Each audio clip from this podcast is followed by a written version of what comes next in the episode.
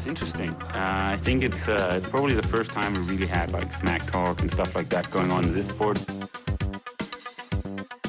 He's definitely been more successful here I mean, in, in Hawaii. But I've beaten him up many times, and he knows that when all the people aren't around him patting him on the back and he looks at himself in the mirror at night when there's no one else, he knows I'm the real deal. Some people talk and they never won Ironman in Hawaii, so I could talk. I won twice. We are live Hooray. from Hawaii, Kona. Bloody, bloody hell with Lanzarote 2019. Oh, I have to, to cancel this fake British accent. Just speak No, my no, normal no, do your accent. I love your accent. my accent. With I'm so lucky that I have you, Nikki Bartlett, the 2019 Lanzarote champion, here with me. That's a pleasure. Thanks for having me on. Yeah, it's so cool, and uh, now we are testing out this um, the, the recording. This should work, and hopefully we'll make this uh, work. And as you said, the smart thing is by not doing this live is that people back in Europe they are asleep, so uh, Yeah, exactly. we'll uh, upload. Yeah, my uh, parents like, we're going to miss everything, and I was like, no, I'll try and upload stuff you know the Yeah. time you're awake. exactly. Um, That's which is like I'm still getting confused when they're awake or not. Which yeah, is yeah. stupid. So uh, you have been here for a couple of days. So uh, what, Yeah. what, what, are, where are you at uh, jet lag wise? Um, well, I'm not a great sleeper as it is. Um, so I'm. We're going to bed about half eight, nine, and just rolling with it because by by seven o'clock we're like nodding dog head. um, so yeah, we're, by about half half eight, nine, we're asleep and we're waking up at anything between like three and five. So still not great. Um, but we might just roll with that because then it's not so much of a shock on race day. Um, just let the body adapt. Kona wise, you have a little bit of a redemption because you were here back in 2017 and Yeah. ended up with a DNF. And actually, I remember that year a lot of uh, athletes um, were sick on race day. Michelle Vesterby, one of them. Yeah, uh, one of Camilla. The, Camilla also. Um, I don't know if there were bad stuff in the water, but uh, tell me uh, what uh, what happened for you back there in 17? Yeah, it's you know I don't know if it was a mixture of things. Um, I don't know if that was a factor. Um, I don't really have any excuses or blaming. Um, I came off the well when I was on the bike. I was like, I'm very aware. I'm very swollen. Um, I don't know if I took on too much salt and with the combination of water intake because I'm a really massive big sweater. Um, so I think when it before race day, I was like, oh god, right, I feel in good shape. I think the only thing that can go wrong is my nutrition. So then I probably overthink thought my nutrition, um, and yeah, I just swelled up massively. And um, Just do this. sorry, you sure my voice isn't going to be too loud? Yeah, no, it's okay. It's okay. It's okay. Um, so yeah, I don't know if um, I just took on too much salt and just clogged my system. Um, but I was very swollen, and it was just a matter of time before I collapsed. But I went out into the run to see if I could feel better, but it was just down downhill from there. So have you ch- have you changed a lot since then? Uh, are, are the things that you learned from that race, so you have taken into this race and the prepara- preparation and stuff like that? I, I don't want to say I'm a different athlete because I think the whole process and journey is everything that's part of it. Um, but I'm definitely a more well experienced athlete. Um, I've done a lot more heat prep for this. Um, living in the UK, you actually have to find your own ways of adapting. Otherwise, you're going to come out here and think it's a, a massive shock. Well, that's with a heat chamber, chamber and uh, heat Yeah. tent and stuff like that. Yeah, I yeah, kind of created my own heat tent in the house. So, so go, going back a bit, um, before Lanzarote, I wanted to do a bit of heat prep for there because a marathon can be roasting. Exactly. Um, it actually was roasting on race day, so I did a bit of heat prep then. Then after Lanzarote, um, I'm also a British para guide. Um, so we were going to Florida to do one of our preparation camps for Tokyo uh, Yeah. test event. So we do so straight, literally the day I got back from um, I'm on Lanzarote, I was into the heat chamber, which was just hideous in itself. But it was, you know, that's kind of my new new role, and um, so I just I went with it, and I knew that's what I needed to do to be in shape to go into Florida. Um, so I've been starting the heat adaptation process, I guess, slowly but surely since I'm at Lanzarote, um, and just did some ticking over over the summer months, um, and then kind of four week process up to now. Um, but yeah, the physiologist in the EIS for British Para um, advised me on what to do. Um, I knew how I needed to feel in the heat tent to get the best adaptations, so I took his advice, and, and so far I think it's gone okay. Super cool, but uh, being a heavy sweater and also being a heavy sweater myself, have you ever experienced that you almost like fainted uh, during some of these heat camps where you pushed it a little bit too much? Uh, maybe because you know we are in this sport, we we love to push ourselves and uh, push limits, you know. So Yeah. have you ever been that far out uh, during one of these heat sessions? Um, I'm going to say no at the moment, um, but obviously there's still time to, to go to, to that point. Um, I know my body quite well. Like I don't particularly like using data. Um, I run with my stopwatch a lot. Um, tempted on race day to run my stopwatch or not even a watch at all. Um, so no, when, when my body's getting to the uncomfortable bit. And um, in Florida, we had the whole British para uh, practitioners out with us, um, and uh, we were well monitored with our hydration. Um, we had uh, strategies to cope with the heat. And we were well supported with the coaches and practitioners out there, so I was always on top of how I needed to feel. Um, so I've now taken those learning um, practices kind of into the Ironman distance as well. Um, so hope to hope to use those strategies on race day, and hopefully that goes okay. But um, I know when I'm getting way too hot, and I've experienced it in the tent before I came out, and I know then I, how to, to adapt to it. Because if you go over that line, Yeah. there is no coming back. It's just uh, collapsing the It's brain just- switch off yeah. like that. Yeah, definitely. Okay, so some people say that uh, they call uh, Lanzarote like the Hawaii of, of Europe. Um, doing doing so well, winning that first first Ironman win. Uh, Let's let's talk about that uh, a little bit Yeah. more uh, after. But uh, does that give you a little bit of confidence coming into this? Uh, you know, you have this in the back, similar conditions, the wind, the heat, stuff like that. Uh, th- something you can take into this race. Yes, I guess uh, part of my DNF in 2017, which apart from a mechanical on the bike, which was unfixable, I've never DNF'd in my life. I've always been someone to get across the line if I can. Like, to be honest, not many of my Ironmans have gone to plan, if not any of them really. Um, and I've just always made sure I got to line, so some of my results just might look like I'm Ironman Wales last year. Like, it was not pretty on that marathon. I walked a lot, but I was getting to the line. Um, so it takes a lot for me to not finish and, for instance, collapse. Um, so, actually, I've rammed on so much. What was the question?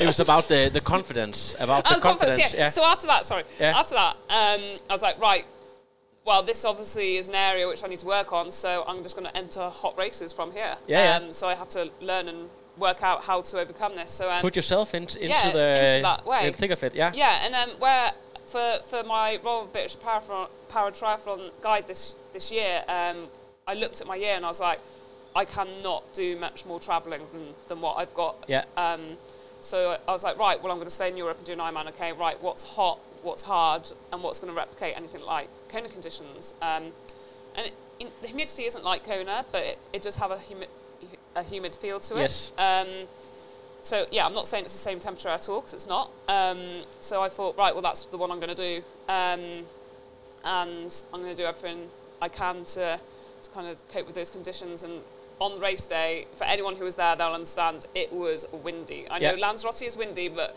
it, I wouldn't have gone, gone out on my bike that day if I was there on the training camp. No way. Um, and the week leading up to it, um, it was just so windy. Like I can remember one ride, I went out and um, I actually just binned it and came back. I was like, it's dangerous. Um, like I was getting pushed into the rocks. But in the end, didn't you? Don't you think it played into your uh, favor? Yeah, um, my bike is my strong my strong part, um, and I don't want to say I was rubbing my hands a bit, but I was like, this is falling in into helping me out a lot, Yeah. I guess. Um, I was like, the longer we stay on the bike, the better. Um, I just feel like I'm a more of a strength athlete. Yeah. Um, so I like to like I can't say I like being nearly blown off your bike. Yeah. it's not not a pleasant thing. Um, but I just knew psychologically I could deal with it maybe better than some others. Um, so so yeah, it wasn't something I was dreading. Um, so yeah, I, and then having those conditions, I was like, well, I want to say that that is the best kind of prep I can get now for for Kona. Um, and it's a very iconic race, and it was becoming like everyone was that elusive win, I guess. Um, I haven't done that many Ironmans, so but on the more 70.3 side, I've done a lot, and I've had um, like I think about 14, 15 podiums, and everyone was like, "Come on, Nikki, when's this win coming?" And it was just like, and if I had to save it for that, it was per- a perfect moment to have my first win. The, the mental part about going from being a, a podium athlete to being uh, an Ironman champion. Yeah. Talk about that. Uh, where, where do you go? Um, have, do you um, do you do anything in particular, or or is it all uh, a little bit of luck and uh, and uh, physical gains, or is that a, a mental game to, to think like a winner to, to become a champion? Maybe talk about that process. I mean, you do need to have like confidence. I guess is something I've Yeah. had to learn to develop as being a professional athlete because Yeah. obviously I've come up from the age group ranks and Yeah. I came up as a complete novice. And when I say Yeah. novice, I couldn't swim. We have to talk about that because that's quite funny. Yeah, it's quite funny. I mean, I couldn't swim. So anyway, I came up from a novice, um, went through the age group ranks, and then I was winning my age group by quite a significant margin. So I was like, well, the only part to move on to now is being a professional athlete. And um, I guess when you do that step up, age group racing is completely different to pro Yeah. racing. It's just like so far, it's just so different. Um, so, and then you always have this feel of, oh, should I be, still be an age grouper and not actually be a pro? And kind of like you don't have the confidence of whether you should belong in the field. Um, it took a lot of time for me to develop that confidence. Um, and I guess the more I wasn't coming, well, I was coming close to the win. Like it was like tiny margins, tiny margins. And I guess the longer it was going on for, um, I was actually losing confidence in the end. I was like, God, maybe I can't win a race. Yeah, yeah, yeah. Especially when the new um, Kona, Kona um, System? system came out. I was like, oh God, like I need to win an Ironman now to Yeah, get yeah, in. yeah, I was yeah, like, exactly. I'm gonna have to up this game at some point because Yeah. if I don't, I'm never going back to Kona. Yeah, but Um, but the thing is that I, I often look at uh, that's that's the thing I do. I often look at results and um, and Thorsten Radde, you know, he uh, Yeah. makes this uh, um, this system where you can see who's favorite and not. And uh, of course, as a Dane, I uh, I might have put my uh, my money on um, on Maja Stage. Yeah, but uh, but yeah, but uh, yeah, and she was in good form, obviously. Yeah. But uh, but that didn't uh, hold you back. So so so going to a race, know you have to win to go to Kona, Yeah. and uh, and know that you're you, you're not the favorite. How, how do you tackle that mentally? Yeah, I guess, um, and I knew I only had one shot at qualifying because of my commitments as um, a guide for the year. So I guess as race day came closer, I knew that actually there wasn't any pressure so much on me, but I was putting pressure a bit on myself because I was like, this is my only crack now for Kona qualification.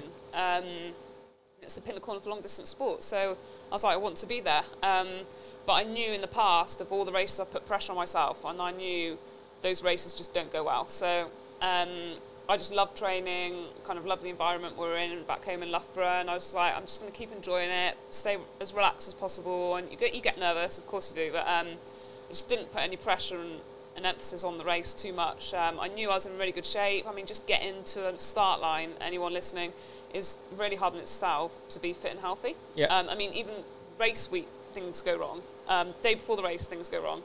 Um, so when you're on that start line, right, right, I'm fit, healthy, and happy. Um, I'm going to stick within my bubble. I knew it was windy out there. It's a long day. Lanzarote is just a very iconic um, race, which just can like this one. Well, like I knew Ironman really, but you know, the longer you're out there, the more things that can go wrong. Exactly. Um, so I was like, I'm just going to stay in my own bubble, do exactly what I need to do on, in my plan. I can't control what everyone else is doing. If I come across the line and I'm that is me maxed out across the line, then and then someone else has won, that's just the better athlete. Um, so I was like, I can't control what um, Maja or Emma or anyone else who was in the field. I can't, I can't do anything that they're going to do. Like I'm not going to change my race plan if they're doing specific things. Um, so I was just like, just do my own race, stay in my own bubble, and see what happens. Um, I had a great support network out there. I had all my family back home watching. Yeah. Um, I had friends out there racing. Um, so I was just like soaking it all up, enjoying the moment. Um, we went there um, on camp in March, um, just to keep practicing on the course, um, understand the winds, which you, you can't because they're just unpredictable, like here. Yeah, like, yeah, yeah. Yesterday we were on the ride and we went in this stonking headwind, and I was like, it's all right, we turn around in a minute. I kid you not, we turned around two minutes later, rode up here for two minutes, and it was just this. And then the headwind came back, and I was Yeah, like, this is lit. I'm so glad. Like, I'm- Typical Kona. yeah, and Lanzarote's the same. Yeah, yeah. Um, Lanzarote's probably more cross horizontal. Yeah. But then I guess I haven't been to other parts of the course yet. Um, so, so yeah, the re- wind will change. But I'm, I'm glad I know that and not, not let that get to my head because there's nothing you can do about it either.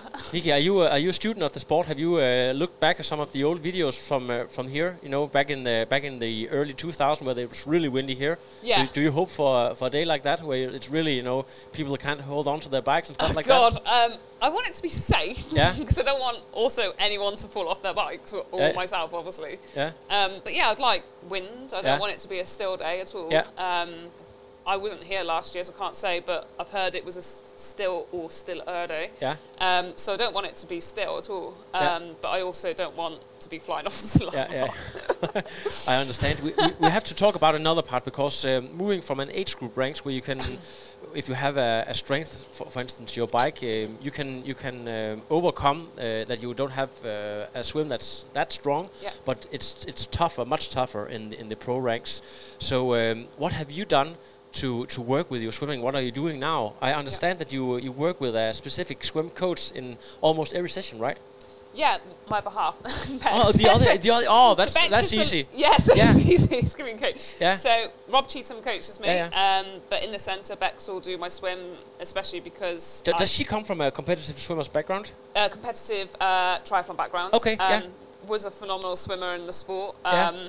Um, she'll kill me say, but she obviously can't swim that speed now. She Okay, hates it. okay. Um, because she was like, you would never beat me, and now Okay. I beat her. Yeah, yeah, um, okay. But she was like, back in my day, you wouldn't have a chance, and I was Yeah, like, I haven't seen that ability. But Okay. I just wind her up. Um. So yeah, so and it, but I do um, specific sessions for for my guiding, um, and then I'll do maybe one longer aerobic strength session a week. But to be honest, I'm I'm more tailored towards shorter swimming um, reps. Um, So maybe uh, maximum an hour for. Of oh no, so the length is always 90 minutes. Okay, yeah. Um, but in terms of the quality, Exactly. um, yeah. uh, yeah, it's always a bit shorter than probably most Ironman athletes do. Um, but my swimming's in, like I'm not obviously a Lucy Charles or a front pack swimmer yet. Um, well, no, no, I won't be Lucy Charles speed ever, but um, I won't. I've come on a long way. Um, I'd say over the season probably three to four seconds per hundred quicker.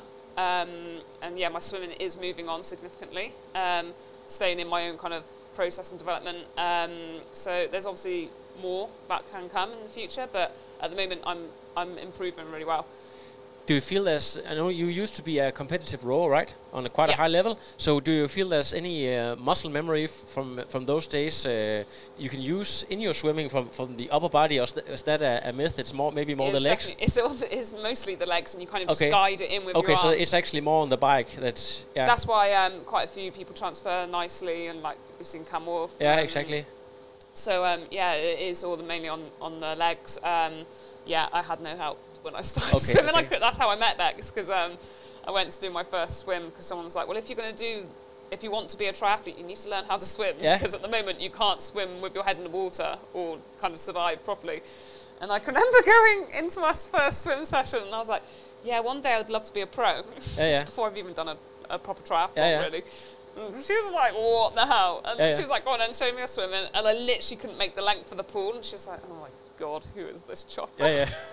I was like, "Um, "Ambitions like Yeah, way yeah. too high." but but it's it's typical from people coming from a, a competitive sport. They can't they can't really uh, think of you know go go to a lower le- lower level. No. It's always up here from yeah, the start, exactly. right? And yeah, I yeah. came from rowing, and I kind of quit to move over to triathlon. Yeah. which is a bit of a big jump, considering I couldn't swim or or anything. I just did a few triathlons as a bit of fun. yeah. Um, I did one one specifically for charity, and I did one for fun with a friend because we thought it would be a laugh, and it was a laugh, and it was brilliant. Um, I just kept getting uh, rib stress fractures when I was rowing. Um, I did quite well at those two races without even doing any training for it. Um, so that's where my switch came. So I was switching from quite a good rower to Yeah. absolute novice chopper in, in triathlon. So I actually had no evidence to really suggest that I could ever make it to professional Maybe, ranks. maybe you could explain for some of uh, our triathletes, uh, viewers and listeners, um, how cutthroat is competitive rowing compared to triathlon. It's extremely cutthroat. Yeah. Um, I see people in the sport now um, in some environments I've been in, and I'm just like, no way would would you even got away with doing X, Y, Z, which they've done in rowing. God, no way. Um, it is very cutthroat. It is ruthless. It's brutal. It's it can like staring at an, a, a rowing machine and erg, what we called it, for hours on end, and the lake is beautiful and flat. But the sessions on the ergo. So when people like can't believe you're on the turbo in this nice weather, I'm like, it's a turbo or like a watt bike. Sorry, it's a watt bike session. Like you Yeah. have to see it as the benefit is doing it on the watt bike. Yeah, exactly. Um, and and that's very much transferable to, to where I am now in the sport, um, which is good because actually sitting on the turbo for maybe three hours is way less boring than staring at a, uh, an ergo for 90 minutes or whatever. And I guess uh, the the pain tolerance is something that's also very transferable from uh, from uh, rowing to uh, to cycling. I hear that, Yeah. that that people say people who have been rowing on a high level that if you have endured that pain, you Yeah. can tolerate anything. Yeah, yeah. Well, you just have to get used to and tolerating it for a, a longer period. A longer of time. period, yeah, yeah, yeah, yeah, yeah, yeah. um, which I'm still learning, I guess now. Um, and then yeah, so it's just like it's more like power endurance, I guess, because it's like the stroke rate was always at about 18. I guess if people don't understand rowing, they won't understand what I'm on about. But if you do, if you do have rowed before, like the stroke it was 18, but it was almost like a maximum power. Yeah. And then you glide at the slide and power, and it's you just do that for like 18. 18k, 24k on the ergo, same on the water. It's Um, uh, it's uh, unbelievable. I, c- I can't even imagine doing that. But uh, Yeah. yeah, we talked about the swimming, and um, of course, when you come to Kona, and the swimming is uh, very very important. But have you have you thought that through mentally that you might not uh, catch that front group and have to to work a bit, um maybe. Uh, team up with uh, with other girls who swim at your level, or, or maybe even uh, doing your own, own, pace all day. H- what have you thought about that? Uh, what do you call it? Uh, game plan wise, do you have uh, thought Um, that I guess we haven't uh, talked too much in depth. Don't like to talk too much in depth too far out from the race, but obviously you start thinking about the dynamics of the race. and think there'll be quite big groups coming out on the swim. Um, I envisage coming out of about 15, 20 people on the bike, which that's never happened in my life before. Um, I guess at Lanzarote have a bit of experience in that because obviously it's a mass start, Yeah. so you start with all the age groupers. Um, I can remember coming out the swim in Lanzarote and there was, oh God, loads of age groupers around. Um, and I just kind of went past everyone, but that might not be the right strategy to do on race day. I don't want to blow any matches or spike in particular. No. Um, so I think there'll be a few game plans. I think there'll be kind of like an A B, or just you have to just go with what the dynamics are on race Exactly. day. But um, I'm not going to be burning any matches uh, early on into the ride because I want to make it back off that ride feeling confident for the run.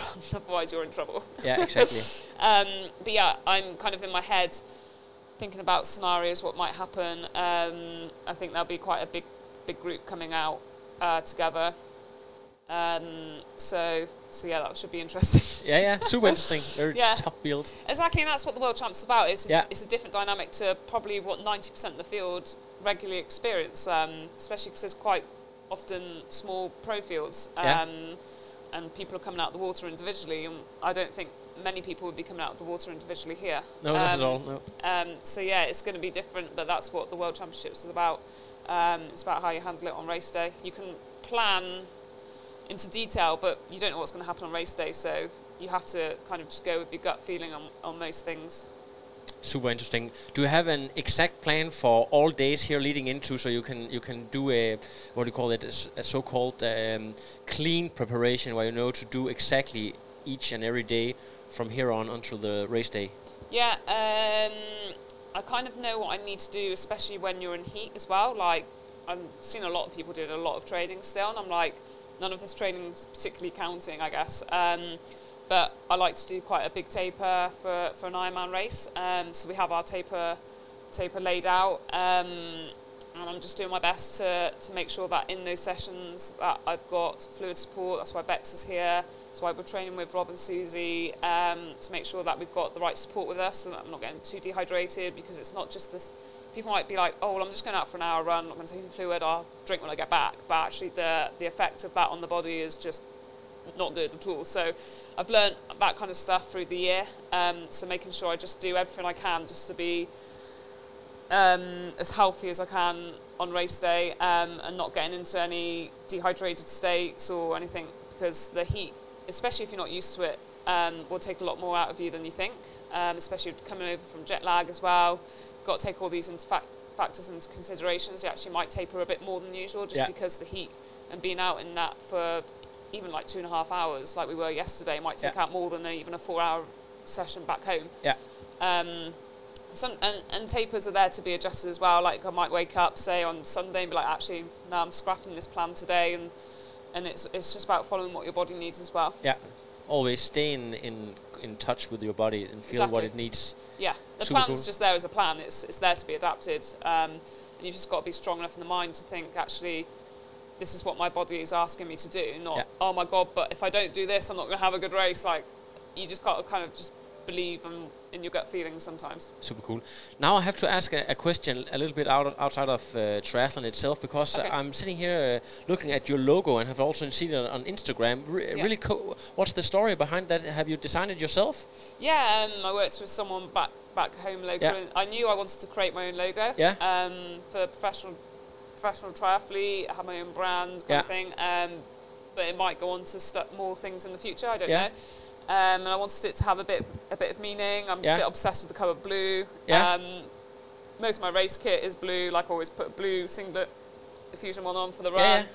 Um, and obviously got the kind of gay pride in there Yeah, as yeah, well. yeah, yeah, yeah, yeah, yeah. um, and I kind of like like just like the rainbow look. Yeah, yeah, yeah. and it's got my name on it. So yeah, yeah. It, it fits. It's perfect. Yeah. I didn't want anything too in the face, but I want I wanted a bit more, be a bit simplistic, Yeah. um, bit of meaning, um, and the guy designed it, and I was like, do you know what? Yeah, I think that's right. Does uh, uh, the, in, in this part of the world or in in, in Europe, uh, the gay uh, community is is quite um, what do you call it? Uh, yeah, it's it's Yeah. uh, people are open against it. But do you experience as a professional athlete that it can be a problem to be uh, um, open about your sexuality uh, racing uh, in some parts parts of the world?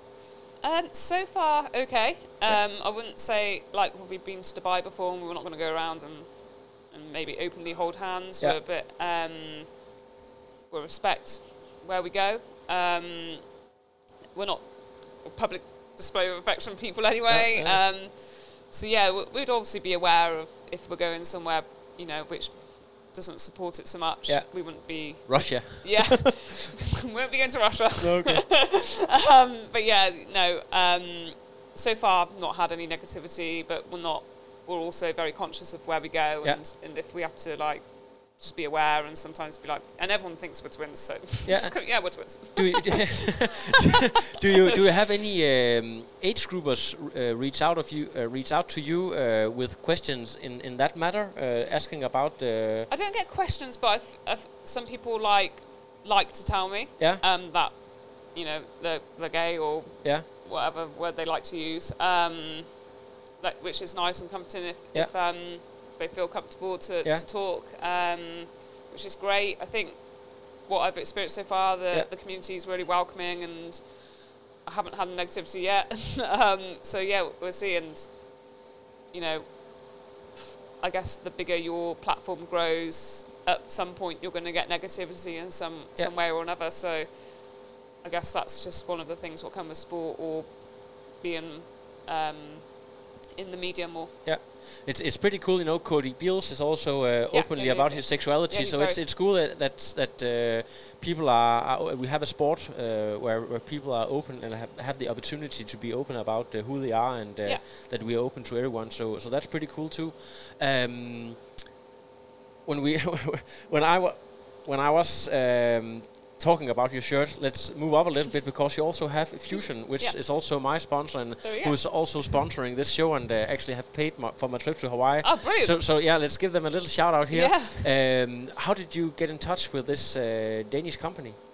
Um, so I started wearing the kit before I was sponsored. Um, I like to to like the product before, um, and I can remember Jamie got in touch. I think I can't remember why, but straight after I got on the podium at Staffordshire in 2016, um, he got in touch. Um, I think just to say if I wanted a, a new piece of kit or something, and then the relationship just went from there. And um, I've been with them, I guess, since tw 2016.